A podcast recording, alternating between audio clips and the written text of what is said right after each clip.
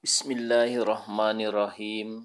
Nahmaduhu wa nusalli ala rasulihil karim wa ala abdihil masihil ma'ud. Assalamualaikum warahmatullahi wabarakatuh. Wahai anak-anakku dan saudara-saudaraku semua, semoga Allah Subhanahu wa taala senantiasa memberkati kita semua. Amin. Allahumma amin. Salah satu pola untuk meraih kesuksesan hidup adalah ilmu. Artinya, kita semua harus dan wajib memiliki ilmu. Untuk itu, marilah kita bersama-sama berjuang untuk meraih kemenangan ini dengan banyak membaca tafakur, mutola'ah, setiap ciptaan Allah Subhanahu wa Ta'ala jika ada karunia, raihlah ilmu dengan cara menuntutnya di masjid-masjid, di sekolah-sekolah, di aula-aula yang jelas saudara-saudaraku, terutama anak-anakku, alam ini diciptakan adalah untuk tempat menuntut ilmu. Semua orang tanpa kecuali wajib menuntut ilmu. Gunakanlah ketujuh indera, mata, telinga, hidung, lidah, kulit, dan otak yang dianugerahkan oleh Allah Subhanahu wa Ta'ala dengan sebaik-baiknya sesuai dengan tuntutan yang benar menurut Allah dan Rasul-Nya. Sehingga ilmu yang akan kita dapati nanti adalah ilmu yang akan bermanfaat untuk semua, berguna, berguna di dunia dan di akhirat nanti. Anak-anakku, satu lagi indera yang sangat istimewa, dan indera itu akan dapat menguasai berbagai macam ilmu yang tidak terjangkau oleh keenam indera yang lainnya tetapi ada syaratnya, yakni dia harus selalu bersih dan suci. Apakah dia sekolah secara formal ataupun tidak, tetap dia akan menguasai ilmu sesuai dengan kehendak Allah Subhanahu wa taala. Indra ini adalah hati. Sudah merupakan janji Allah Subhanahu wa taala yang Maha memiliki ilmu bahwa siapa pun yang selalu menjaga hatinya dari setiap keburukan dan dia selalu melakukan tazkiyah nafs sehingga dia menjadi orang yang benar-benar bertakwa maka ilmu makrifat akan mengalir kepadanya. Oleh karena itu mari kita berlomba dalam melakukan kebaikan ini. Barakallahu lakum. Amin Bersiap-siaplah wahai anak-anakku. Kalian akan menghadapi sesuatu yang lebih besar daripada kehidupan di zamanku.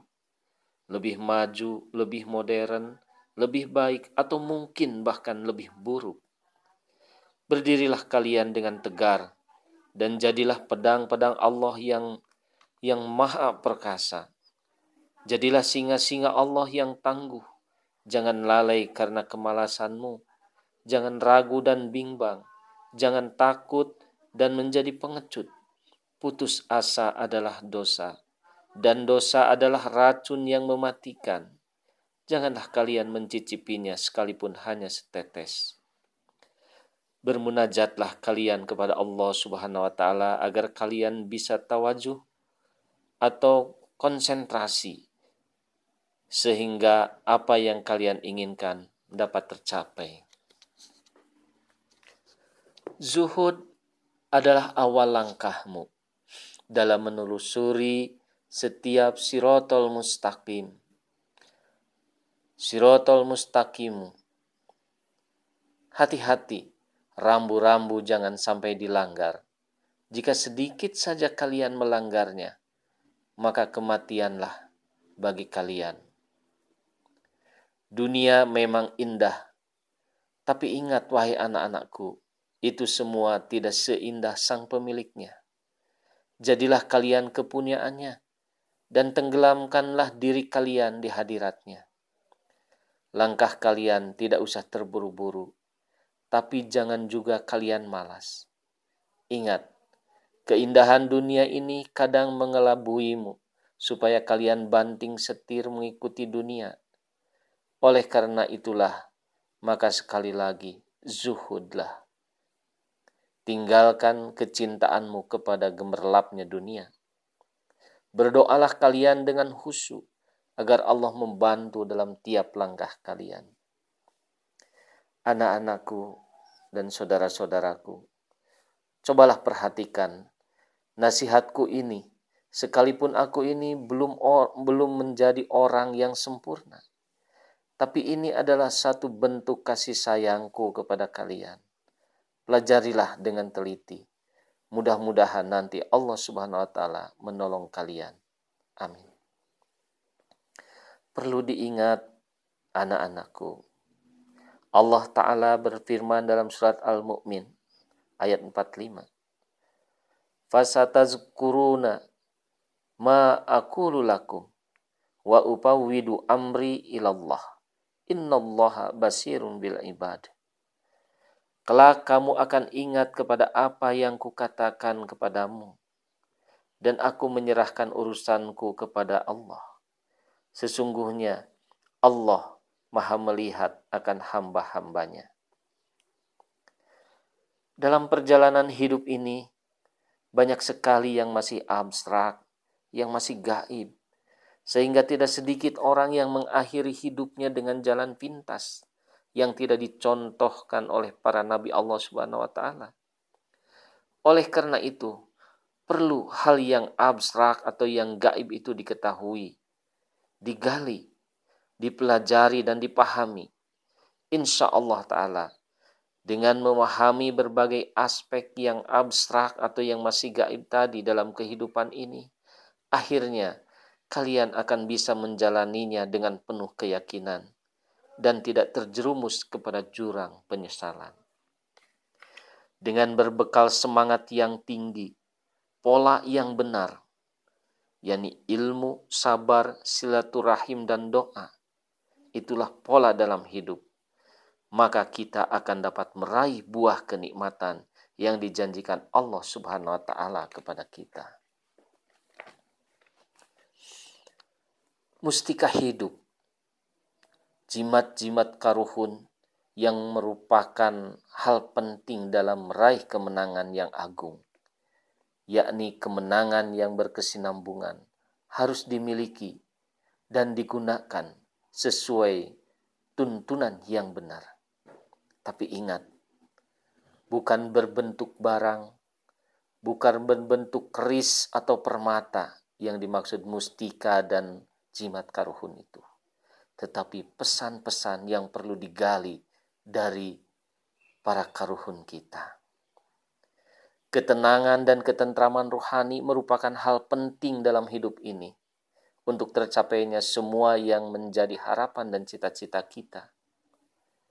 Petunjuk, mimpi, ilham, kasab, dan wahyu adalah hiburan rohani yang akan menjadi minyak pembakar semangat atau bagai air zabil yang akan menambah kekuatan ketika mendaki gunung keridoannya.